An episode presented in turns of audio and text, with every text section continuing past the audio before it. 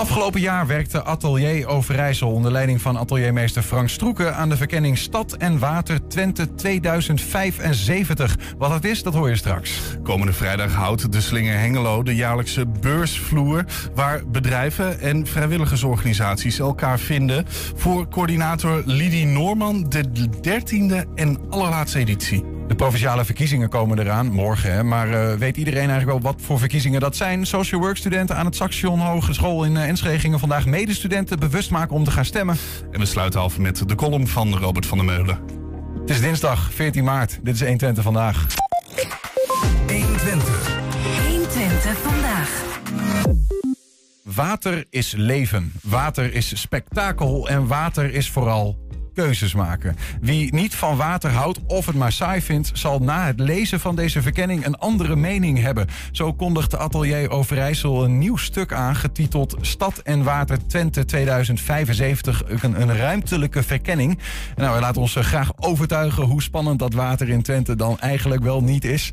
Ateliermeester eh, Frank Stroeken is bij ons. Frank, welkom. Dankjewel. Ik wil er alles over horen, maar eerst even die titel, ateliermeester. Ja, mooi hè? Dat klinkt kunstzinnig. Ja.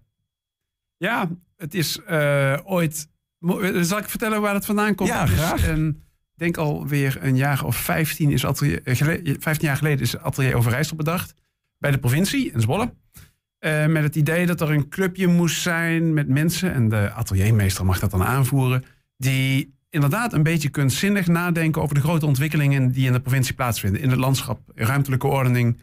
Uh, niet al te saaimakend, maar, maar het over kwaliteit hebben. Mhm. Daar zou je een ateliermeester voor kunnen gebruiken. Ja, ja dus maar in Atelier Overijssel, waar je dan soort van nu de, de leiding aan hebt gegeven in dit project, komen ook uh, eigenlijk de, de, de, landschapsvorming, hoe moet dat eruit zien, maar ook kunst een beetje samen, toch? Het, ja, uh, Atelier Overijssel is ook een bundeling. Ik heb een bestuur, daar zit Landschap Overijssel in, het Oversticht en Kunstenlab. Overij, uh, die, die, uh, ja, die vertegenwoordigen eigenlijk een beetje het erfgoed, de natuur en de kunst. En met die verschillende invalshoeken proberen wij op een frisse manier na te denken over wat er speelt in het landschap van Overijssel. Nou is er nu uh, eind vorige week zeg maar een nieuwe verkenning gepresenteerd. Stad en Water ja. uh, Twente 2075. Ja. Wat, wat, is dat, wat is dat een verkenning überhaupt? Wat gebeurt daar? Ja, dat is een goede vraag. Een, een verkenning wil eigenlijk onder andere zeggen, het is geen plan. Dus mochten mensen denken, wat krijgen we nou? Wat gaan ze nou weer doen? Het is eigenlijk het stimuleren van het denken van mensen die op allerlei manieren betrokken zijn bij plannenmakerij bij beleid. Uh, er wordt natuurlijk heel veel, heel veel ja, beleid gemaakt, bestemmingsplannen, uh, plannen voor stikstof, uh, waterplannen. En een verkenning is eigenlijk bedoeld om dan niet meteen een heel concreet voorstel te maken, maar wel heel goed een beetje vanuit een overzicht nadenken. Waar zou het over moeten gaan? En, en, en, en Wat zijn de dingen die meespelen in dit, in dit verhaal bijvoorbeeld? Hè? Waar moeten we aan denken? Dat soort uh, vraagstukken. Ja, wat komt er op ons af? Uh, klimaatverandering is iets, dat is, daar ging het dan bij ons over. Ja. En wat, tot wat voor gevolgen gaat dat in de steden leiden? Daar worden al best wel wat vaak oplossingen genoemd. Maar mhm. probeer nou eens te verkennen hoe die oplossingen, hoe dat eruit zou kunnen zien als je extreem, als je 50 jaar vooruit denkt. Ja. En als je ook uitgaat van flinke klimaatverandering, die overigens helemaal niet zo onwaarschijnlijk is. ja, hoe kan dat eruit zien? Dat verken je. Nou ja, eh, voordat we daar induiken, want jullie hebben uh, nou ja, een, een, nou, lijvig een document van uh, ruim 60 pagina's, waarin echt wel ook wel mooie beelden staan. Die hebben we ook, ook erbij, zometeen om wat te, te vertellen mhm. daarover. ik kan me ook voorstellen dat mensen zeggen, ja, 2075, hè, we hadden het er net even over, dus over 50 jaar, dan ben ik bij Leven en Welzijn 82. Ja, um, ja wat moeten we daar nu mee? Die vraag. Ja, dat is een goede vraag natuurlijk. Uh, dat is over 50 jaar. Als je een stad bouwt, een stad aanlegt, de straten bepaalt, hoe de huizen eruit, komen te zien, waar ze komen te staan. Uh, dat doe je eigenlijk voor dit soort termijnen. Een uh, rioleringssysteem leg je voor 50, 60, 70 jaar aan voordat het opnieuw wordt gemaakt. Dus als jij dat nu aanlegt, als daar morgen over besloten wordt, we gaan een, een, een wijk opnieuw inrichten qua riool, dan is het wel heel wijs om na te denken over het klimaat van over 30, 40 jaar. Ja, ja, ja. Ja, dat snap ik. Dus je moet nu alvast weten, wat gaat er mogelijk over 75 jaar, hoe gaat de wereld eruit zien en wat moeten we dan nu doen om ons, om, om ons klaar te maken voor dat klimaat. Ja. Uh, dat is volgens mij ook even de volgorde van zaken, zoals jullie de weg hebben bewandeld hè, in, in het rapport. Eerst uh, beschrijven, wat is nou de mogelijke klimaatverandering uh, in 2075? Ja, klopt. Ehm, en eh, als je dat doet, dan eh, liggen er onder andere van KNMI en van mondiale instituten eh, uit het buitenland verschillende scenario's die je kan kiezen. Ehm, en wij hebben een scenario gekozen waarin er een eh, flinke klimaatverandering eh, gaat plaatsvinden. We, hebben, we dachten, we kunnen, als we de allerlaagste, de laagste verandering, de kleinste verandering als uitgangspunt nemen, ja, dan is het niet zo spannend. Dan word je nog steeds verrast. Dan word je trouwens nog steeds verrast. Ja. Nou, wat voor mij eigenlijk in deze verkenning een verrassing al was. Want eh, eh, het is nu al 2,25 graden warmer dan eh 100 jaar geleden.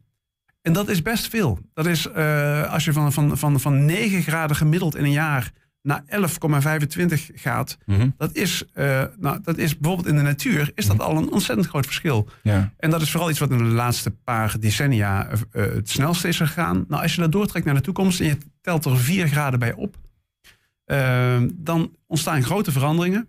En wat jullie al eh, in het voorgesprek al noemden, eh 20 kilometer per jaar schuift het klimaat ongeveer op. En dat is nog niet eens bij de, het hevigste scenario. Ja. En als je dat optelt, dan heb je in 50 jaar 1000 kilometer eh, opschuiven van klimaatzones.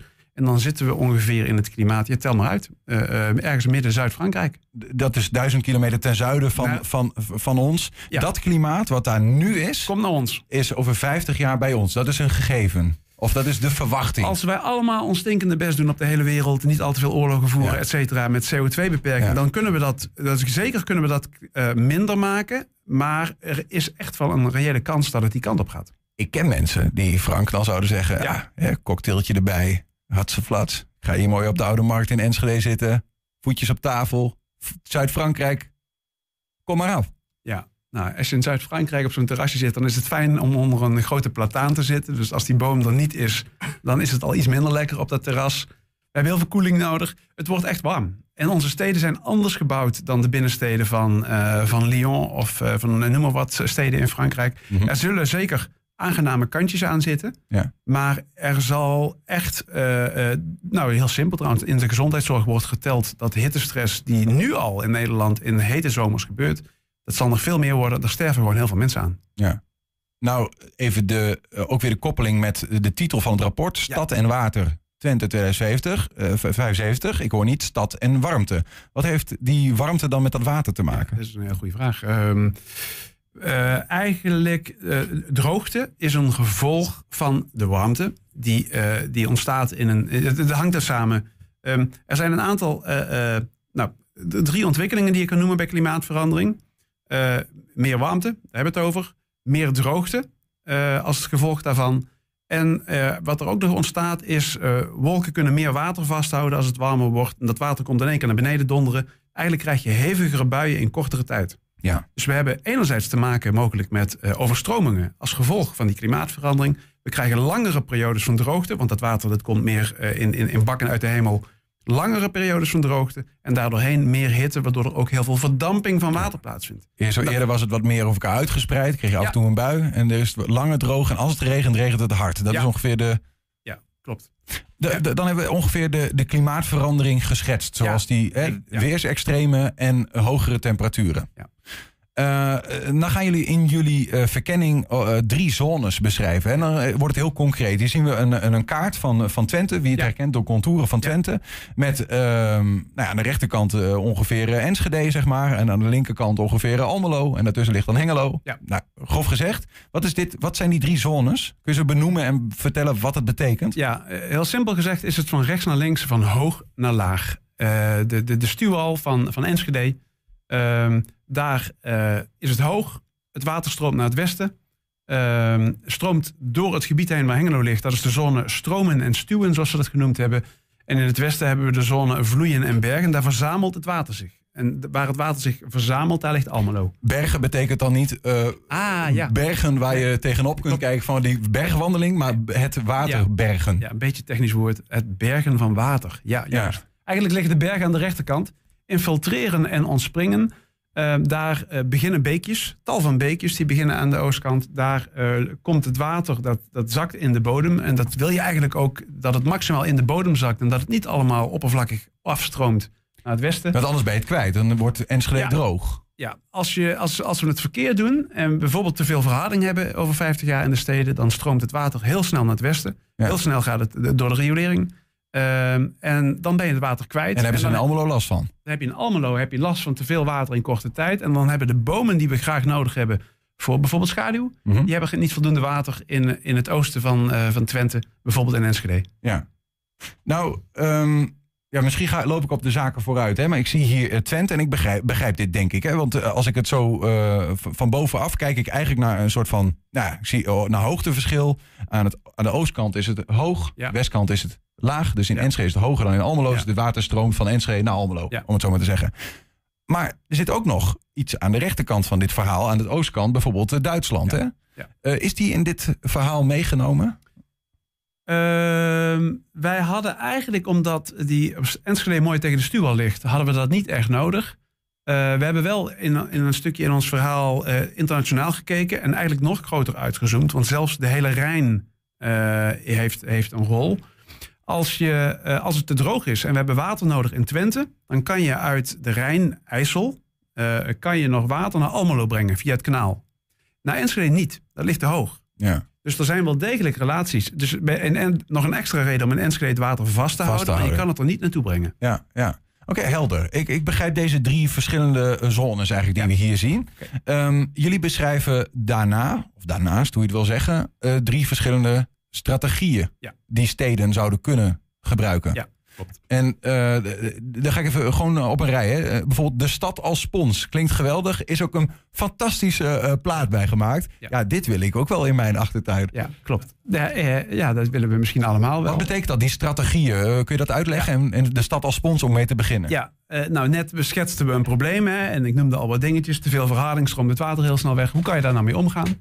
Eh, een van de eh, manieren om daarmee om te gaan, en dat hebben we dan even extreem verbeeld. Dat is deze, de stad als spons. Nou, de spons is iets wat heel veel water opneemt. De bodem is die spons, die kan heel veel water opnemen, maar dan moet het water wel in die bodem kunnen komen. En als ik hier nu naar buiten kijk, dat zien de, de luisteraars niet, dan eh, zie ik niet een plekje waar het water in de bodem kan komen, want ik zie allemaal stoepen, ik zie verharding. Een Eh, betonnen jungle is dit. een betonnen Ja, jungle. En in dit verhaal, wat je hier dus ziet, eh, eh, heel, heel weinig verharding, heel veel open grond. Ook nog heel veel beplanting op eh, gebouwen waar eh, ook nog water een beetje vastgehouden wordt. Mhm. En wat je ook ziet op de achtergrond, dat is een hele hoge flat. Ehm, en eh, daar zouden wel eens heel veel mensen gestapeld kunnen gaan wonen. Om dus die, dat, dat maaiveld, die, die grond, eigenlijk vrij te kunnen maken. En daar ruimte te hebben voor, voor, de, voor, de, voor het water. En voor de natuur die daarbij komt. Want de natuur is het cadeautje wat erbij komt als je heel veel grond hebt waar het water in kan komen. Ja.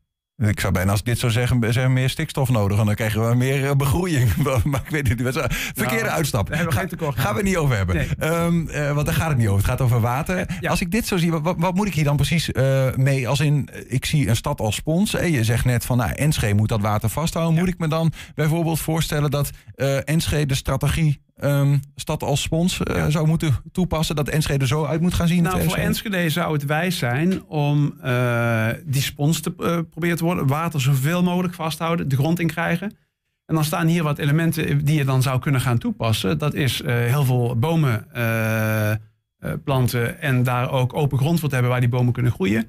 Ehm, eh, appartementsgebouwen in plaats van iedereen, allemaal huisjes naast elkaar. Dat Mhm. levert ook ruimte op.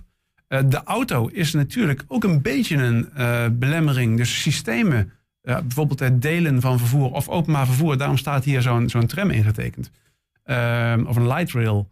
Eh, als je dat soort systemen gebruikt, heb je minder parkeerplaatsen nodig. Ja, ja, want die, dat moet allemaal op stenen grond. Anders Ja, kan je auto niet goed rijden. Net net na een regenbui, eh, heel Ja. veel auto's eh, zonder verharding is, levert ook al problemen op. Ja, ja.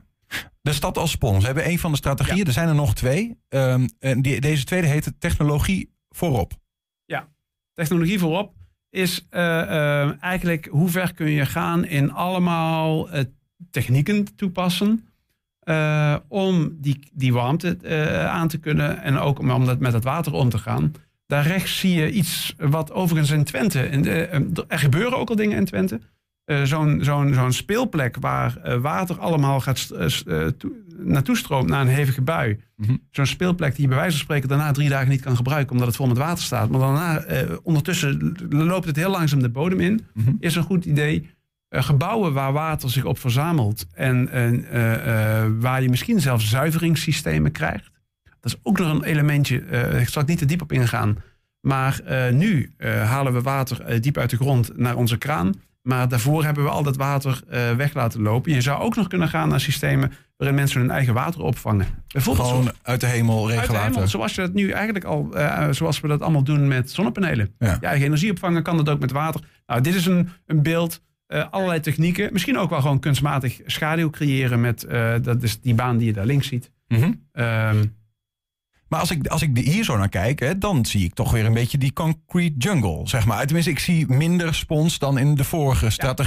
Ja. Eh, betekent dat dat, eh, dat eh, de ene niet samen kan met de andere? Of is het een soort van. Ja, je kunt ook, dit kan ook naast die spons ja, bestaan. Precies, precies. We hebben deze techniek hebben we uitgedacht en verschillende elementen benoemd. En we hebben eigenlijk gezegd, overal ga je wel wat onderdeeltjes van deze techniek toepassen. Een, een kelder is, is hard, maar een kelder is ook heel functioneel om water in te bewaren. Eh, dus ja, ik heb in mijn tuin eh, een, grote bak van een paar kuub waar water in verzameld kan worden. En, en die kan ik namelijk weer eruit halen. En als ik het in de grond laat lopen, dan ben ik het kwijt. Precies. Dus Ja. daar zitten allemaal nog eh, keuzes.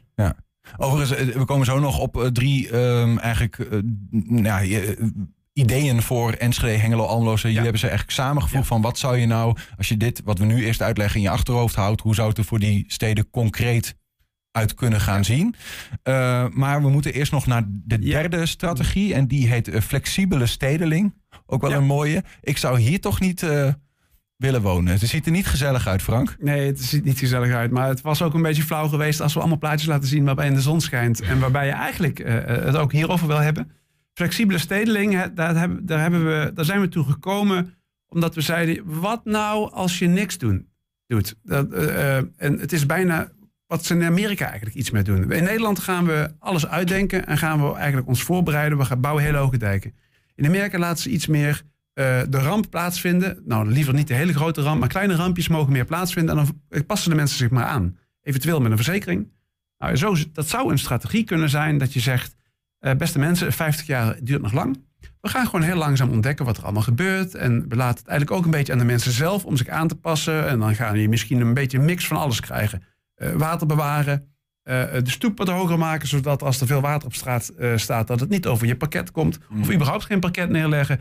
Want het komt misschien wel één keer in de tien jaar in je huis. Al dat soort aanpassingen, Ja. daar zou je voor kunnen kiezen. Ik denk dat die verzekeraars niet in de rij staan. Dus, hè, ik bedoel, als ik zo Maastricht nog een beetje herinner, hè, die werden ook Ja. overvallen. Dat is ook zo'n voorbeeld Dit is echt eigenlijk. een voorbeeld wat relevant is. Ja. Ehm, dus, maar dit kan een. Ja, jullie zeggen eigenlijk alleen maar: we bieden alleen maar aan. Dit zou je kunnen doen. Ja. Ehm, nou, daar hebben we dus drie. We hebben eigenlijk een kaart van Twente gezien met drie zones. Hè, waarbij je eh, in het oosten hoog, in het westen laag. Dus waterstroom van het oosten naar het westen. Heeft Ja. een gevolg voor hoe je met het water moet omgaan. We hebben drie strategieën gezien: de stad als spons, technologie voorop en de flexibele stedeling die we hier zien. Ja, goed. Die, die maar ziet eh, wat er gebeurt. En nou hebben jullie eigenlijk die, als ik het goed begrepen heb, die zones en deze strategieën over elkaar heen gelegd. Ja. En dan komen daar voor ehm, het oosten van Twente, namelijk Enschede, het westen van Twente, namelijk Almelo, en het midden van Twente, namelijk Hengelo. En dat moet je even als verticale streven zien voor de luisteraar. Ehm, komen daar eh, hele concrete ontwikkelperspectieven uit. Jullie hebben allereerst, om dat in te luiden, een kaart van Twente, een nieuwe waterkaart gemaakt. Eh, wa- wa- waar kijken we naar? We kijken naar een kaart waarin eh, eigenlijk ja, midden onderin eh, eh, zie je Enschede en het, he- iets meer in het midden Hengelo en linksboven Almelo in het blauw.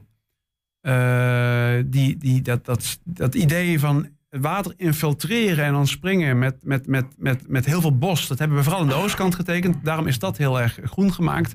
Daar moet je maximaal water proberen vast te houden en gebruik daar de natuur voor. Dus dat is toch die strategie het sponswoud. Ja. En Almelo hebben we nog veel water getekend, want daar gaat meer water zich verzamelen op die dagen dat er heel veel water, hè, de, de, de Zuid-Limburgse eh, eh, situatie zou kunnen ontstaan. Almelo wordt een nieuwe giethoorn. Almelo wordt een nieuwe Giethoorn. Almelo zou er goed aan doen om, een, om de stad zo te ontwikkelen dat het plezier gaat hebben aan dat water, wat, wat, er, wat er meer gaat komen. Mhm. Dus wonen aan het water, recreatieplassen met water, Ja. allerlei vormen. En we kunnen allemaal leuke dingen met water bedenken. En dat is eigenlijk in, in Almelo op het grote schaal is dat meer van toepassing dan in Enschede, waar je eigenlijk het water veel de bodem in wil Ja, hebben. ja, ja. En daartussenin zit Hengelo, als een soort van hybride. Hengelo. En in Hengelo, eh, wat we in Hengelo zien, is dat daar ooit allemaal eh, beken, beekdalen waren eigenlijk. Dat zie je nauwelijks meer terug. Dat hebben we allemaal technisch in riolen. Die zijn allemaal vervangen door riolen. En misschien zou het goed zijn, we zouden flexibeler zijn in Hengelo... als we die beekdalen zichtbaarder maken in de stad. Mhm. Met stukjes waar je misschien ook over 50 jaar minder huizen hebt. Eh, andere plekken die wat hoger in Hengelo liggen... waar je misschien meer huizen hebt of meer hoogbouw hebt. En dat die beekdalen als een soort groene, aantrekkelijke hopelijk... zones door de stad gaan lopen. Nou, hou dit even eh, als bovenaanzicht in je achterhoofd. En dan gaan Ja. we even nog die eh, verschillende plekken die je net al hebt genoemd langs. Van oost naar west. Namelijk te beginnen bij Enschede. En jullie hebben gezegd, vind ik mooi, Enschede, Sponsstad. Dit is Enschede Sponstad. Dus Enschede is als fietsstad, fietsstad en Sponsstad. Ja, ik mooi. wat- wat- Ja, nou, eh, wat je hier ziet is eigenlijk... eh, Je ziet hier wel degelijk nog eh, asfalt. Hè. Hier, dit is toch een ander beeld dan dat wat we straks zagen. Ehm, maar we zien ook heel veel groen. En je zou kunnen zeggen, dit is een- eigenlijk een klein parkje... wat tussen de fietspad en de weg in ligt. waar gespeeld wordt. Waar allemaal water naartoe kan stromen. Op kleine schaal heb je dat al in wijken in, eh, in, in Twente. Hè. Ruwebos, eh, de Wadis. Ruwebos, Hier bedacht, soort van bijna Ja, in Enschede. dat is waar. Ruwe- eh, de Wadi, wat dit eigenlijk ongeveer is, is als eerste in Nederland in Twente volgens mij toegepast. Ja. Nou, dit is daar een, een, een vervolg op. En wat je rechts ook ziet, is eh, heel, veel, eh, heel veel bomen. Een onderdeeltje van onze studie gaat daar trouwens ook op in. Hè. Nu misschien niet te veel op in. Wat is er eigenlijk allemaal nodig om bomen bij die klimaatverandering een goed ja, biotoop is, eh, te kunnen bieden? Zorgen dat het goed kan groeien. Zorgen dat het ook voldoende water heeft. Want bomen verdampen ook weer water. Hm. Dat zie je eigenlijk allemaal in dit beeld. Je ziet ook wat hoogbouw met, met, met, met groen erop. Mhm. En eh, dit zou hopelijk een mooi eh, stadsbeeld kunnen worden. Stap je naar het, naar het westen, dan gaan we naar Hengelo. Hengelo, Bekenstad. Ja, precies. Hengelo, Bekenstad of Bekenstreek hebben we het genoemd. Hier zie je het water stromen. Dat is het verschil. Hè? Net zag je eigenlijk een, een heel groot... Ja, Ja, Enschede is trouwens ook Sponswoud. Dan moeten we dat wel even Ja, goed ja, zeggen. ja, Nou. Enschede Sponswoud, niet Sponsstad. Enschede nou, Sponswoud, je- Hengelo, Bekenstreek. Ga als, verder. als mensen daar andere namen aan gaan geven. Ik vind het Ik vind het leuk, leuk klinken. Oké, goed. Bekenstreek, eh, het water stroomt er doorheen. Je ziet mensen, eh, kinderen die daar ook wel mee spelen. Je ziet een straat die hoger ligt, waardoor er echt ruimte is. Met die trappetjes ontstaat er ook nog een beetje flexibiliteit. We weten niet precies wanneer en, hoe, eh, en hoeveel water er komt. En ook weer groen rondom die woningen. En dit zou een soort, dit zou een nieuw beekdal kunnen zijn wat je in Hengelo gaat krijgen. En waar waarschijnlijk mensen heel graag aan willen wonen. Ja, ja. Maar dit ziet er voor mij wel een beetje hetzelfde uit als Enschede, toch? Als in Ja. dat, ook een soort wadi, of, of Ja. is dat dan weer Ja, nou, het dat- anders? Dit, dit, hier stroomt het water doorheen. Ja, Dus en dit- wadi blijft het in En ja, staan. Dat was het verschil. Dat zie je niet zo heel goed op de tekening. Nee. Je ziet eigenlijk in het eerste beeld, eerst, in het eerste idee denk je het is ongeveer vergelijkbaar. Ja, maar hier stroomt het. Nou ben ik benieuwd naar eh, het nieuwe giethoorn van Ja. Almelo Almelo. Waterstad. Ja, Andere oh. Waterstad. ja. Ja, eh, ja, dit is wel... eh dit is mooi. Dit, dit heb jij in jouw dromen, Niels. Nee, maar dit, ik vind- dit vind ja, dit is, voor de Almelo's is dit goed nieuws, denk ik. Ja, En voor de er Enschede's uitzien althans. ja, nou, Almelo, misschien, eh, eh, als je in de omgeving van, een, van Almelo ligt nog eh, best wat terrein waar dat water misschien zich kan verzamelen, waar dit soort woonwijken zouden kunnen gaan ontstaan. Mhm. Eh, ja, ik hoop dat daar ook eh, ge- genoten gaat worden van het water. En dat daar dat water ook weer een beetje, ja, dat er berging, hè, was dat woord? Het bergen van water. Dat je dat daar verzamelt, vasthoudt, eventueel ook weer kan gebruiken en misschien kan terug laten stromen als, als het heel erg droog is. Naar Enschede. Omhoog. Ja, nou. En dan wordt het een technisch verhaal. Oké, daar, gaan we Ja. niet, eh, ga- daar gaan we niet naartoe. Ja. Nee, maar eh, ik heb een heel helder beeld van wa- wat je hebt eh, verteld. Zeg maar. Die zones, de strategieën en nu nou, wat dat betekent voor die verschillende steden. Ehm, is dat ongeveer wat het is? Of hebben we nog belangrijke aanbevelingen of dingen die Ja. in je rapport hebben aangestipt laten liggen? Nou, uiteindelijk, misschien is het nog aardig om te zeggen, want mensen, luisteraars zouden misschien kunnen denken van, oh, het was best ingewikkeld, zonering en strategieën en dan ook de uitwerkingsbeelden. Het proces wat wij doorlopen hebben is, we hebben een bureau aan het werk gezet. Dit bureau MUST, dat heeft aan die zonering uitgewerkt. Een bureau Urbanisten, dat heeft die strategieën uitgewerkt. En wij als Atelier Overijssel hebben daar verder aan gewerkt en hebben die kaart net gemaakt. En we hebben een aantal aanbevelingen ter inspiratie. Eh, en dat gaat eigenlijk over, eh, er zijn best wel wat zaken die we verder zouden moeten onderzoeken. Bijvoorbeeld, eh, goh, moeten we nou zorgen dat dat water zo snel mogelijk allemaal in de grond komt? Ja, dat is goed. Maar hoe zit het dan met als we water allemaal vast zouden willen hou- houden op ons, op ons balkon, in ons huis, om daar misschien zelfs drinkwater of om daar de wc mee door te spoelen? Dat zijn eigenlijk ja, communicerende vaten, zou je kunnen zeggen. Je kan het vasthouden. Je kan het laten wegstromen. Daar zitten nog best wel dingen. Nou, een voorbeeldje van wat er nog onderzocht kan worden. Er valt ook nog veel te ontwerpen. Eh, daar geven we voorbeelden van. Eh, een ideetje is van watergangen naar wandelgangen. Alle watergangen rondom eh, de steden in Twente of in de steden van Twente. Als we daar wandelgangen van maken, dan, dan hebben we een functie daaraan gekoppeld. Die we, het is bijna altijd leuk om na- naast water te lopen. Dan kan je die, eh, die watergang breder maken, kan je meer ruimte voor creëren. Nou, eh, dat is een voorbeeldje van ontwerpen. En we hebben iets, en dat zijn we vandaag nu aan het doen. eh, de dialoog. eh, ga, hopelijk wordt hier veel over gepraat. Er zijn mensen die hier dagelijks mee bezig zijn met waterschap. Ja. En die vinden dat er wel eens wat weinig aandacht voor is. Nou, na vandaag misschien niet meer. Ja. Ehm, dus praat erover. Nou, het is, het is, we begonnen eigenlijk het als een. Misschien zien sommige mensen het als een soort van donderwolk op zich afkomen, hè, klimaatverandering. Maar we kunnen het, als, het, als ik het zo voor me zie, dan denk ik soms ook, ja, misschien kunnen we het ook eh, gebruiken. En is het juist ook een kans om, om in een nog mooiere omgeving te wonen, om het zo maar te zeggen. Maar je, je zegt ook wel iets wat me triggert, omdat, ehm, kijk, jullie hebben dan eh, nou, deze verkenning gemaakt. Aan de andere kant, hè, morgen gaan we weer naar de stembus. Ja. Dan kiezen we bijvoorbeeld waterschapsbestuurders. Ehm, die gaan uiteindelijk ook grotendeels bepalen, toch? En Ja. eh, in de provinciebestuurders en de gemeentebestuurders en de, de rijksbestuurders bijvoorbeeld. En volgens mij, wat ik er een beetje van geleerd heb, is het, is het eh, verschil tussen eh, misschien jullie die in de verkenning 50 jaar vooruit kijken en een bestuurder, dat een bestuurder toch geneigd is om te zeggen, ja, ik wil in mijn termijn, wil ik in ieder geval mijn doelen halen. En dat gaat niet zo ver vooruit. Klopt. Dat is wel eens ingewikkeld, denk Ja, ik. ik denk dat dat ook voor het waterschap een heel relevant verschil is. Eh, een van de dingetjes die wij, een van de aanbevelingen ook, is gebruik de natuur als bondgenoot in dit probleem. De natuur kan heel veel dingetjes voor je oplossen. De eh, bodem kan heel veel water vasthouden, bijvoorbeeld. Maar ehm, eh, het is soms concreter om nog een extra parkeerplaats ergens aan te leggen, omdat daar gevraagd wordt. En dan is die lange termijn blik en zo'n zo'n advies als natuur als bondgenoot, ja, dat zou je politiek kunnen vertalen. Ja. Maar goed, het, uiteindelijk de, het idee van deze verkenning is... We, we, mensen moeten het weten, gewoon Twentenaren... van hoe, hoe leeft het, wat, hoe ziet onze wereld er eigenlijk uit... maar ook wel echt voor die bestuurders die uiteindelijk aan de knoppen Ja. zitten... van jongens, neem nou dit als, als een soort van handboek mee... en als je beslissingen neemt, kijk even hiernaar voordat je die beslissing Ja, neemt. Kijk naar, vraag door als, er- als je een oplossing gepresenteerd wordt. Ja. eh, is het een korte termijn of een lange termijn oplossing? En eh, ja, wees wijs.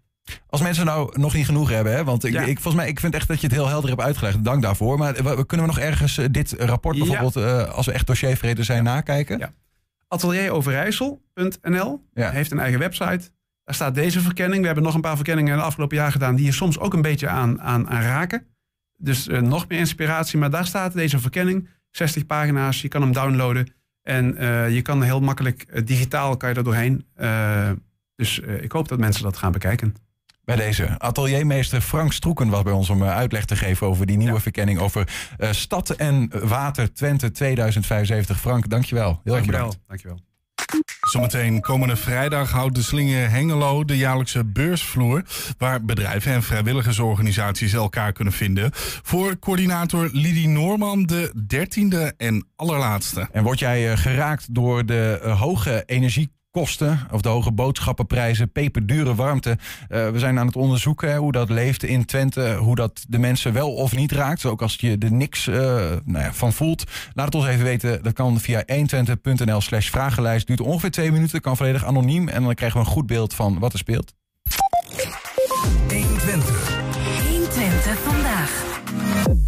Provinciale verkiezingen komen eraan. Maar weet iedereen wel wat voor verkiezingen dit zijn? Studenten van het eerste leerjaar Social Work op het Saxion in Enschede gingen op onderzoek uit. Ze hebben vandaag een actie gehouden om jongeren tussen de 18 en 25 bewust te laten worden van de provinciale verkiezingen. En dat ze ook naar de stembus kunnen. We staan op dit moment voor het Saxion. Achter mij wordt de campagne gehouden voor de provinciale verkiezingen door eerstejaars social workers. Wij nemen een kijkje.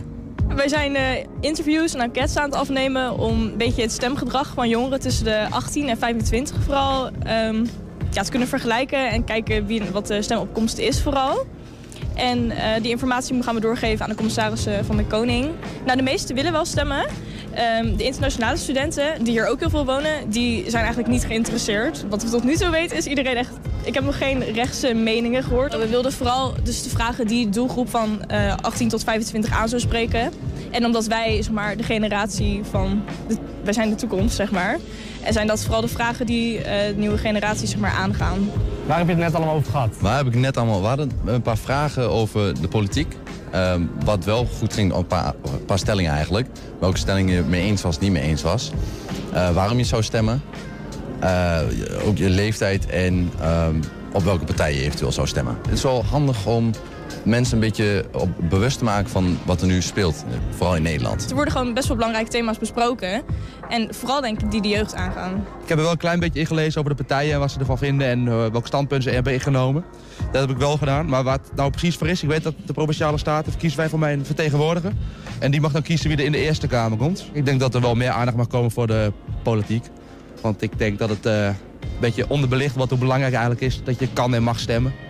En ik uh, vind het een goede zaak dat er wat meer aandacht van zou moeten komen. Ja, als je een mening hebt, dan kun je die op deze manier uh, laten horen. Uh, en op het moment dat je niet gaat stemmen, nou, moet je eigenlijk ook de rest van het jaar je mond houden, denk ik. Ja, want de verkiezingen komen eraan. Niels, heb jij al een beetje kunnen oriënteren? Want ik heb, ik heb vernomen dat jij uh, morgen erbij bent in Zwolle. Morgenavond, ja, nee, ja dan, uh, dan ben ik inderdaad erbij om uh, nou ja, de uitslagenavond. Ja, kom verder, kom verder. Onze volgende gast is, uh, loopt hier de studio binnen. Nee, dan, dan ben ik in het provinciehuis, want dan komen de uitslagen langzaam binnen. Er zijn die partijen dan, hè, die vieren dan hun feestjes her en der. En nou, er zijn allemaal uitzendingen en zo. En nou ja, de, ik dacht, laat ik daarbij zijn. En dan moet ik ook af en toe nog wat zeggen om de boel een beetje aan elkaar te praten. Zo moet je het is dat nog een beetje spannend dan als presentator? Want ja, het zijn toch best belangrijke momenten in de geschiedenis. En verkiezingen. Ja, maar verkiezingsuitslagen zijn altijd spannend, toch? Ik bedoel, ik heb. Uh, ja, maar als presentator toch ook wel een beetje? Ja, maar nou, ik weet niet of dat voor mij spannender is dan uh, voor uh, iemand die bijvoorbeeld meedoet. Ik denk dat voor iemand die meedoet is het nog spannender. Um, maar ik heb dat altijd leuk gevonden, weet je wel. Ook al, zelfs als, als kind, als puber, ik snapte er helemaal niks van. In ieder geval nog minder dan nu. En dan ging ik met mijn vader mee die verkiezingsuitslagen. En dan stonden ze bij de NOS, uh, weet je al, uh, dit, Scherman. En uh, geweldig, er zit een bepaalde zindering en zin in. Morgen. Mooi. 120. 120 Komende vrijdag houdt de Slinger Hengelo de jaarlijkse beursvloer. Vrijwilligersorganisaties en bedrijven kunnen dan weer matches maken... terwijl de beurzen gesloten blijven, de portemonnees dus. Het wordt de laatste editie met Lidie Norman aan het roer. Toen ze 13 jaar geleden begon was de Slinger nog in de opstartfase. En nu staat er een volwassen organisatie. Lidie, welkom. Dankjewel, wat een mooie intro. Nou ja, uh, bij deze, ook namens de collega's in Hengelo, graag gedaan. Uh, misschien is dat goed om even, uh, want, want je zult met een bepaalde weemoed waarschijnlijk naar die dag toeleven. Het is dubbel. Ja, heel dubbel. Ja. ja. voor mensen die het niet kennen, de Slinger, de organisatie waar je dan leiding aan geeft, wat, wat is dat eigenlijk? Ja, het is een fantastische vrijwilligersorganisatie die verbindingen legt tussen het bedrijfsleven en maatschappelijke organisaties in Hengelo. Waarbij Hengeloze inwoners vragen mogen stellen en wij zijn daar natuurlijk wel een beetje kritisch op. Is het concreet? Is het haalbaar? En uh, kunnen we het realiseren? Mm. En dat leggen we voor aan ons netwerk uh, van bedrijven. En uh, nou ja, de meest geschikte mag zijn vinger opsteken. En dan leggen we de verbindingen. En dan hopen we tot een mooie uitvoering te komen. Ja, ja, maar maatschappelijke organisaties, dat bedoel je ook gewoon voetbalverenigingen bijvoorbeeld? Yes. Stichtingen, verenigingen, het sociale leven in Hengelo. Ja, en dan zijn dan aan de andere kant bedrijven die allerlei expertise of ja. misschien wat meer uh, geld in kas hebben, die zeggen nou ik ga jullie helpen met zus of zo. Nou, geld in kas, wij gaan niet over geld. Maar de portemonnee werd gesloten. De portemonnee houden we lekker dicht dit keer. Ja, ja, ja. Dus het gaat echt om menskracht. Het gaat om menskracht, kennis, uh, deskundigheid, maar ook handjes. Uh, ja. Dat is vaak ook heel erg nodig. Mm -hmm. Maar als een voetbalvereniging een financiële puinhoop heeft, dan is er vast wel een accountant die even mee wil kijken ja. uh, voor een paar uurtjes. En dan is het klaar. En dan moeten ze weer zelf verder. 13 jaar geleden, toen begon jij, toen bestond het al wel. Ja, toen bestond het al wel. Ja. Waar, waar, wanneer is dat begonnen en waar kwam het vandaan? De slinger bestaat nu 16 jaar. Dus toen ik begon, bestond het al wel. Oh ja. Heel um, kort. Heel kort. Um, ja, toen was het uh, uh, ja, een, een, type organisatie waar ze voor iemand ingehuurd hadden die het in de eentje deed. En ik dacht, oh god, dat gaan we nooit doen. Kunnen we er niet een vrijwilligersorganisatie van maken, zodat we een beetje meer kennis en kunde en handjes binnen gaan harken, zoals we dat met de slingen eigenlijk ook doen, maar Ja. dan een beetje structureel. Ja. Nou, dat is gelukt. We hebben een fantastisch team met zeven vrijwilligers. Uh, ja, dat draait als een trein. Ja, maar dat lukt, want ik bedoel, ik denk dat er best wel heel veel maatschappelijke organisaties zijn. Als je ze optelt. Ik weet echt niet hoeveel er op zo'n eh, slingerdag met beursvloer zijn. Maar er zijn ook heel veel bedrijven. Dus, Maar dat lukt wel met z'n zeven om dat te bolwerken. Ja, zeker. Nou, iedereen denkt dat het de dag is waarop we matches maken. Maar matches maken doen we het hele jaar door. Dus het is niet zo dat je naar de slingerdag moet om matches te maken. Je gaat naar de slingerdag toe. Voor de, omdat het natuurlijk het allerleukste feestje van heel Hengelo is. Dat natuurlijk bovenaan. Maar ook voor de ontmoeting. Elkaar leren kennen. De matches maken we eigenlijk digitaal en door de telefoon. En hoe leuk is het dan om elkaar eens in de ogen te kijken. En te zeggen, god, dat hebben we eigenlijk fantastisch gedaan met elkaar in Hengelo. Ja.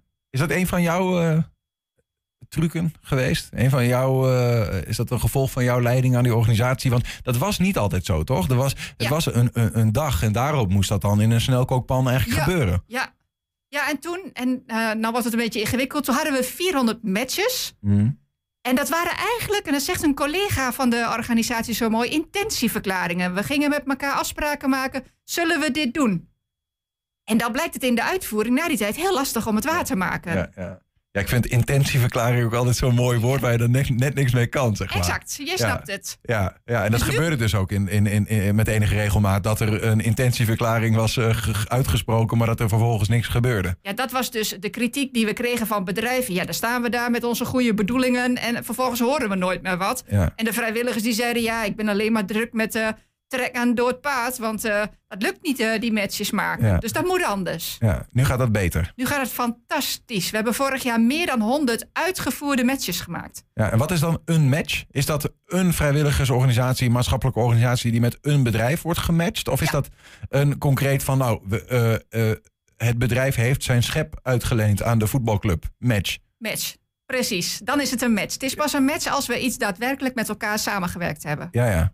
Kun je nog meer, eh, dat is goed hè, Eh, zeker als mensen alleen luisteren om het vast te kunnen pakken, maar meer echt super concrete voorbeelden noemen van samenwerking die ontstaan op zo'n beursvloer? Ja, nou ja, dat is heel verschillend. Het hoeft niet altijd heel groot te zijn. Ik geef ook altijd als voorbeeld. eh, ik, toen we pas begonnen hadden we heel, vraag, heel veel vragen over eh, kopieerwerk. Ehm, eh, de Zonnebloem had 100 kopietjes nodig voor een clubblad. Mhm. Fantastisch. Maar ik kan me ook voorstellen dat. ehm, we zijn nu ook bezig samen met, het, eh, eh, met de Heemtuin. Die willen een, een natuur- en milieu-educatiecentrum. Nou, jij snapt wel dat dat een heel ingewikkelde vraag is.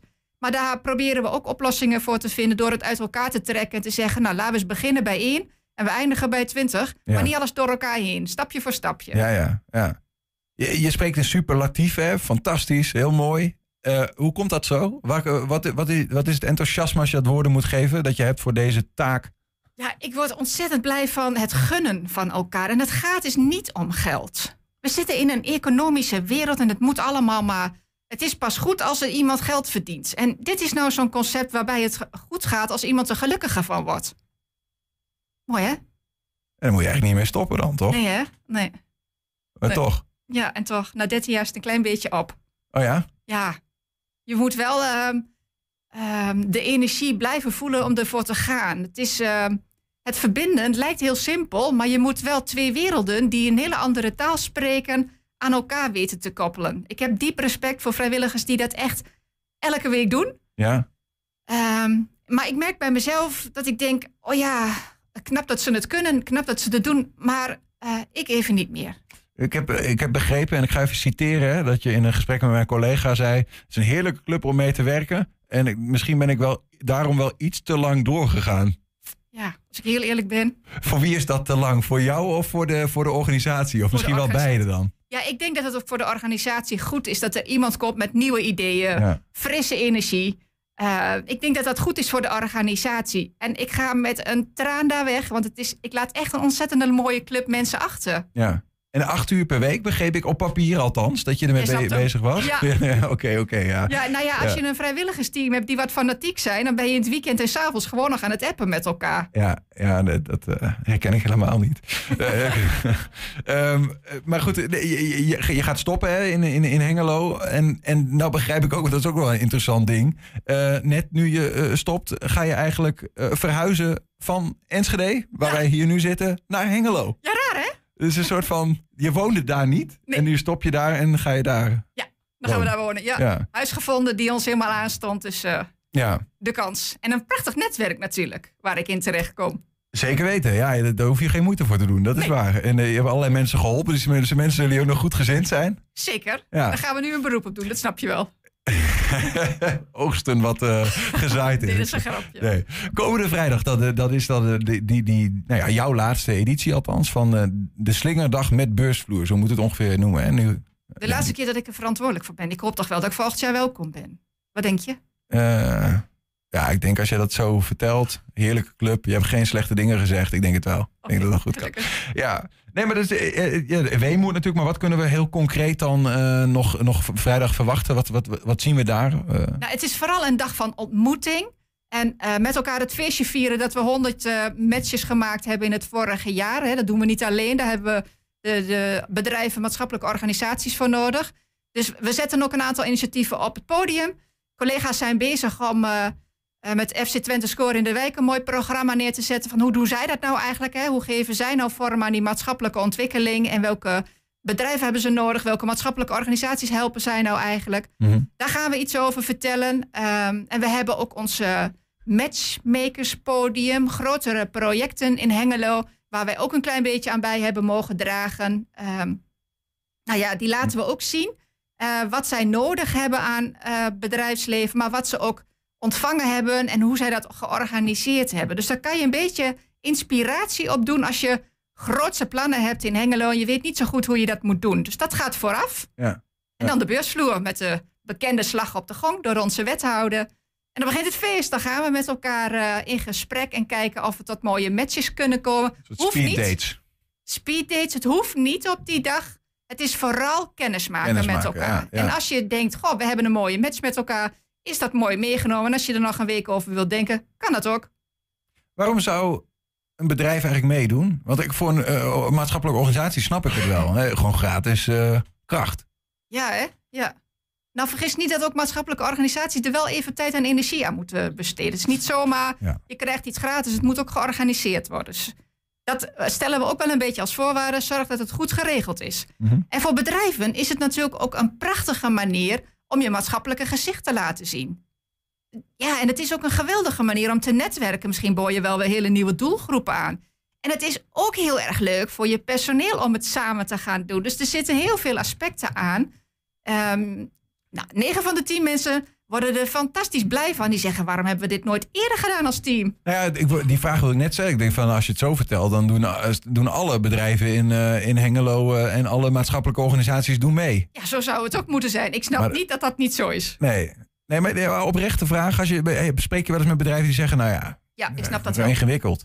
Nou ja, het kost wel tijd. Ja. Je moet er wel zijn. En zeker nu het heel moeilijk is om handjes te krijgen voor je eigen bedrijf, ga je nu handjes weggeven. Dus daar worstelen een aantal bedrijven wel mee. Ja, ja, ja. Maar dat is niet erg. Het moet, het Wij- moet andersom eigenlijk straks. Dat dus eh, vrijwilligers eh, bij de bedrijven komen werken. Gebeurt weet. dat ook trouwens? eh, Die, die op die kant op? Weet ik ja, eigenlijk er zijn ook wel maatschappelijke organisaties die graag iets terug doen. Het hoeft niet zo groot te zijn. Die zeggen, Ja. nou, bedankt voor de match. Hè. We zijn hartstikke tevreden. We hebben een taart voor jullie gebakken. En die komen we morgen even brengen voor jullie personeel. Nou, hoe leuk. Ja, ja. Maar zie je een ontwikkeling in de afgelopen... Want je hebt natuurlijk 13 jaar aan het roer gestaan. Dan zie je wel wat gebeuren. De, de, de slinger zelf is veranderd. Een meer duurzame relatie tussen de, nou ja, de matches, zeg maar. Ehm, maar als je kijkt naar de bereidwilligheid van eh, bedrijven bijvoorbeeld... of juist, eh, nou ja, goed, eh, dat hele systeem... De, Ja. Verandert daar iets? Is daar iets Ja. in veranderd? Ik denk ook wel doordat wij daar zelf als team in heel veel van geleerd hebben. De professionaliteit van het team maakt ook dat we heel goed weten wat we kunnen vragen. Je moet die bedrijven niet te veel in de kop zeuren. Het is een, gewoon een duidelijke vraag met een heel duidelijk begin en een nog duidelijker eind. Geen poespas, hup, de ram met de lip. En dit is wat we van je vragen, ja of nee. Ja, ja, ja. Tot slot dan. Eh, je gaat weg. Is er al een nieuwe, nieuwe Lidie Noorman Nee, ik, opgestaan? roep, ik roep iedereen op eh, om mij eh, op te komen volgen. Kom maar op. En wat moet iemand kunnen in jouw positie? Ja, die moet het heel erg leuk vinden om met vrijwilligers te kunnen werken. Die moeten kwaliteiten zien van mensen. vertrouwen hebben in elkaar. verbindingen leggen met het bestuur. verbindingen leggen met bedrijven. Maar vooral het vertrouwen geven. Dat, dat hoop ik toch wel dat mijn opvolger dat gaat doen. Dat zou ik tof vinden. Wat ga je zelf doen? Ik doe al heel veel. Ik ga eerst wandelen. Pieterpad. Vind je het goed? ja, dat vind ik mooi. Vind ik ook een mooie afsluiting van dit gesprek. Dankjewel, graag Eh, gedaan. voor, je, voor jouw enthousiasme hier aan tafel. Veel plezier eh, met de laatste loodjes ook aankomende vrijdag bij de voor jou, nou ja, althans, waar jij leiding aan geeft, laatste slingerdag. Dankjewel. Met, eh, met beursvloer, dankjewel. Heb je een tip voor de redactie? Mail dat dan naar info.120.nl of, ga, of bel naar 053 432 7527. Dat mag naar 053 432 7527. 120. 120 vandaag. Jij hebt wel eens vrijwilligerswerk gedaan. Ehm, nee. Nee, nee, niet zo dat ik, dat ik, eh, dat ik het zo eh, weet. Ja, bij de voetbal, maar ja, dat, dat is Ja, niet ook, even... eh, nou ja, nee, daar het gaat het over, hè? Vrijwilligersorganisaties, is, eh, is- maatschappelijke organisaties.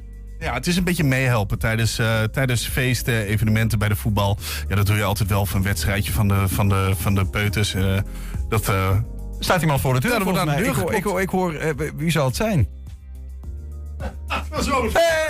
Hey!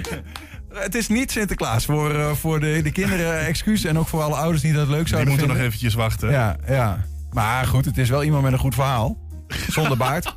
Zonder baardje. Ja. Robert, Ja, hallo jongens. hoe is het? Ja, het- het is prima. Ja, Alles welletjes. Ja, Van weer aan het genieten. net even de laatste puntjes nog op de i zettend. hè, je ziet het. Ja, eh, dat is net een schilderij. Er wordt tot het laatst wordt er eh, een hand aangelegd. We hebben het over die column natuurlijk. Hey Robert, we hadden het net even over vrijwilligerswerk. Eh, Oh, jij hebt eens gedaan? ja, ehm, ja, zeker. Ja, Ja. Eigenlijk, eigenlijk mijn leven lang altijd wel ergens. Ja. Ik heb, eh, ik heb in, een, de bestuur, in het bestuur van een tennisclub gezeten, een jaar of zeven. Mhm. Ik ben eh, nog een tijd lang actief geweest bij Mystiek Theater. We de zondagen organiseren, muziek. En ja, wat, wat, wat al niet meer. Nog wel meer dingen. Voor school heb ik het gedaan, de basisschool van mijn kinderen. Ja, maar het is wel interessant, hè, want, Ja. want je, je noemt dat zo. Want jullie al zeggen van ja, ik, ik weet eigenlijk niet, hè, ja, bij de voetbalclub. Maar dat is natuurlijk ook iets wat je dan Ja. vrijwillig doet. En als je daar eh, op die club zit en je draait toch die bardienst. Nou ja, dat is. En de, en de column maken, dat is ook iets eh, vrijwilligs. hè? Eigenlijk wel. Hè? Ja, ja, nee, absoluut. Nee, zeker weten. Ja, ja, Nou ja, de- de- laten we daar dan vooral naar het, het uitspinsel van dat vrijwilligerswerk. eh, maar desalniettemin professioneel naar gaan luisteren. Over voetbalclubs gesproken. Hè? Scrolldrang. Het lidmaatschap van jongeren van voetbalclubs neemt schrikbarend snel af. Jongeren sporten nog wel, maar doen dat tegenwoordig vooral met twee duimen in een onesie op de hoekbank. En steeds minder met tien tenen en kiksen op het voetbalveld, hoorde ik de bewegingsagoog in het journaal zeggen. Ik grinnikte. Hij had humor. Maar ik vond dat ook diep triest nieuws. De grootste oorzaak van deze trend zou zijn gelegen in het feit dat jongeren simpelweg geen tijd meer hebben om zichzelf met hun spaarzame tijd te verplichten aan sportclubs. Studie, bijbaantje, uitgaan. Die volgorde of net andersom. Het moet allemaal doorgaan, zei hij. Tel daarbij op de door hun gevoelde noodzaak altijd online bereikbaar te moeten zijn en het feit dat een dag maar 24 uur telt en de niet geringe angst om de jongeren binnen dat tijdsbestek iets te zullen missen op hun levenslijnen zoals TikTok, Instagram, Facebook en WhatsApp. En je snapt dat de huidige generatie jongeren tijd tekort komt om alle ballen in de lucht te houden. En dus, en, en dus al dus de bewegingsagoog, sneuvelt de voetbalclub als eerste. En dus worden jongeren steeds zwaarder en zijn ze minder gezond. Wat een mazzelaar ben ik, dacht ik. Dat ik als oudere jongere tot de generatie behoor die nog het gevoel kent van even helemaal onbereikbaar te zijn. En dat helemaal niet erg vindt. Gingen we op pad, dan was er meestal niemand die wist waar je uithing. Heerlijk. Ik heb minstens 35 jaar een mobieloos, volledig gevuld leven geleid. En in dat leven bleek er zelfs ook nog voldoende tijd over voor een sportclub. Toen besefte ik het. We doen iets niet goed. Wat doen we onze kinderen aan? Jongeren van tussen de 16 en 25 kijken op een doordeweekse dag 6 tot 7 uur op hun telefoon, blijkt het onderzoek van Netwerk Mediawijsheid en het Trimbos Instituut. Realiseer je dat eens? Dat is bijna een hele werkdag per etmaal aan ingesloten koekeloeren naar een schermpje. 6 tot 7 uur. Daar worden ze toch onrustig van, is wat ik dacht. Die uren besteed ik als puber aan. Ja, aan wat eigenlijk? Vooral rondhangen. Om ons heen kijken. Lummelen, praten, buiten zijn en de tijd vergeten. Me soms stierlijk vervelen. De achterkant van mijn ogen bekijken. Bank hangen zonder duimfitness of scrolldrang. Daar werd ik rustig van, is wat ik dacht. Ik ben eens gaan rondkoekelen. Er wordt veel over geschreven, maar niemand die de effecten van het schermkijken op langere termijn echt kent. Want daar zijn blijkbaar nog wat onderzoeksjaren voor nodig. Kostbare jaren, vrees ik. Wel kwam ik een onderzoek tegen van DUO, de dienst uitvoering onderwijs. onder ruim 1300 docenten van middelbare scholen. Hun conclusie: smartphones leiden tot een slechte concentratie in de klas, lagere cijfers en verminderde taal- en leesvaardigheid bij middelbare scholieren. De meeste docenten zeggen ook dat het overvloedige social media, social media gebruik door hun leerlingen niet alleen leidt tot slechtere onderwijsprestaties, maar tevens tot sociale en psychische problemen. Ze zeggen dat leerlingen te weinig interactie met elkaar hebben. Dat ze elkaars non-verbale communicatie missen, met als gevolg dat die belangrijke vorm van communiceren onvoldoende ontwikkeld wordt. Bovendien zijn ze vaker moe tijdens de lessen, omdat ze s'nachts blijven doorgaan op hun, op mobieltjes. Dat is maar nogal wat. Daar kun je toch niet schouderophalend er voorbij gaan? Zonder telefoon 100% aanwezig, luidde de leus van het Franse ministerie van Onderwijs. Het was een campagnebelofte van Emmanuel Macron. Als hij president zou worden, zouden de mobieltjes uit het klaslokaal verdwijnen. In 2017 werd hij gekozen. In 2018 ging het verbod in. Na aanvankelijk wat gejeremieer is het voor de schoolpubers al daar een zegen gebleken. Bijna niemand wil er nog terug naar mobieltjes in de klas. Ook de leerlingen zelf niet. Hoe moeilijk kan het zijn? Na school, bij de poort inleveren dat ding. Na schooltijd krijg je het terug. 60% van de pubers vindt de eigen schermtijd te hoog en zou willen minderen, maar ze weten niet hoe. Las ik in de column van Lisanne van Sadelhoff voor RTL Nieuws. Ze ervaren fysieke klachten zoals kramp en nekpijn, maar ook mentale klachten. Een vriend van haar vertelde dat, zijn dochter, van hem, eh, dat zijn dochter hem laatst om concentratiepillen vroeg, want ze had proefwerkweek. Neuropsychiater Theo Companolle schrijft in zijn boek Ontketen het brein van je kind dat pubers die zich continu laten afleiden meer tijd nodig hebben om de lesstof tot zich te nemen, meer fouten maken en meer stress ervaren. En misschien nog wel het verdrietigste, ze genieten minder. Van Sadelhoff vond het tien jaar geleden, toen ze nog vaak op scholen kwam, als zorgwekkend. Pubers die met elkaar zaten te appen, terwijl ze naast elkaar in een griezelig stille aula zaten. Pubers die het normaal vonden met iemand te praten zonder diegene aan te kijken. Oh, contact maken doe ik wel met mijn telefoon, zei een knollaar eens.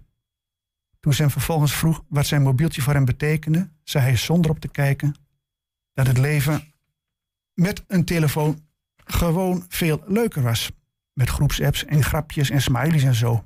En elkaar checken. Maar, opperde Van Sadelhoff, zou het soms niet lekker zijn om eens onbereikbaar te zijn? Koekoek. Twee reebruine jongensogen keken de jager aan. Nu dan wel. Onbereikbaar? Die is gek. Terug naar het journaal. Is dat erg dan, dat minder bewegen? vroeg de interviewer van dienst aan de bewegingsagoog. Het is hoe je het bekijkt, antwoordde deze. Op de korte baan is er niet veel aan de hand. Maar op de lange baan geeft, geeft het een vertekend beeld. Ik vat hem samen.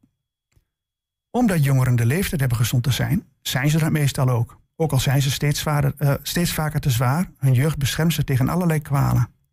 Nog wel, want jeugd vervliet verdomd snel. En dan slaat het lichamelijke ongemak vroegtijdig in alle hevigheid toe. Een goede bewegingsbasis in de jeugdjaren kan dit voorkomen. Het stelt het fysieke verval uit tot een leeftijd waar het verval te verwachten valt. Maar de meest belangrijke conclusie aldus de agoog was dat het onderzoek zou hebben uitgewezen dat jongeren beweging nodig hebben om niet alleen fysiek, maar vooral toch ook mentaal overeind te blijven. Ik kom niet uit een bovenmatig sportminnend gezin. Hoewel ik wel een neef had die nog bij onze FCT heeft gevoetbald. En mijn zus kon zeer verdienstelijk balletten. Ik zelf deed aan tafeltennis. Pingpong was de sport uit mijn jeugd. Zo'n 15 jaar ben ik lid geweest van een club. We praten over de Bettine Friese kooptijd, voor wie die naam nog wat zegt. Zij vond zo'n beetje alles wat er te winnen viel en was beter dan de Chinezen die dat spelletje ooit uitgevonden hebben. Dat was heel bijzonder, alsof omgekeerd de Chinezen ons verslaan met korfbal of fiedeljeppen. Pingpong was toen zelfs eventjes de tweede sport van Nederland. Drie keer trainen in een week was standaard pandoer. Daar had ik alle tijd voor. Want naast het luisteren van muziek op mijn kamer, het pingelen op mijn gitaar, een bibliotheekabonnement en het onbereikbaar rondlummelen met vrienden, was mijn leven vol met beweging en toch ook lekker overzichtelijk. Ik had ruim voldoende aan die 24 uur in een etmaal. Dus werd ik al lummelende een niet onverdienstelijke pingponger en mocht mezelf halverwege de jaren 80 nog eens Twents kampioen noemen. En het jaar erop zelfs Overijssels mix dubbelkampioen. Een titel die ik, die ik heb mogen delen met het knappe zusje van Marga Bult. Dat laatste neemt niemand mij meer af. Terug naar de schermpjes loerende pubers. Die kunnen nou wel zeggen dat ze prima met een smartphone kunnen omgaan. Maar ja, het zijn pubers hè. En als pubers iets niet kunnen, dan is het wel iets niet kunnen. Vinden ze althans zelf. Maar consequenties van hun gedrag inzien, daar hebben ze toch echt een poosje hulp bij nodig. Hulp van school bijvoorbeeld. En van hun ouders, dat vooral ook.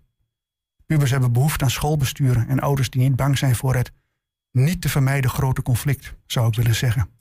Het is tegelijkertijd als hart onder de riem bedoeld. Er komt een dag dat ze blij zijn met dat niet te vermijden grote conflict dat dat ooit plaatsgevonden heeft. Ik gun het onze pubers zo, die lummeltijd, die onbereikbaar, onbereikbaarheid, die verveling die creatief maakt. Ik gun ze het concentratievermogen om een boek te kunnen lezen. En ik gun ze het lidmaatschap van een voetbalclub of van een pingpongclub. Maar bovenal gun ik ze iemand die het politieke lef heeft een mobieltjesverbod op scholen door te drukken. In Frankrijk konden ze het. Maar ja, Macron, die is hier niet verkiesbaar. Ja, dat is raak. Ja. Ik heb heel lang zelf geen smartphone gehad. Hè? Nee, dat klopt. Je Ja. hebt echt een paar jaar... Kijk, eh, uiteindelijk, mm, dat is ook een beetje zo. je Moet je eraan in een eh, maatschappij als de onze? Ja, Wij zeggen in ieder geval tot morgen. lijkt het althans. Ja. 120. Weet wat er speelt In Twente. Met nu het nieuws van 5 uur. Goedemiddag, ik ben René Postma. De vrouw die aangifte deed tegen bandleider Rietbergen van The Voice... is blij dat hij ook echt wordt vervolgd. Ze hoopt dat andere slachtoffers nu ook naar voren durven te komen. Ali B. wordt ook vervolgd. Hij vindt dat vreemd, want hij is nog bezig met mediation-gesprekken met de slachtoffers. Marco Borsato gaat vrij uit. Slachtoffers zijn blij dat er voor het eerst een man is veroordeeld voor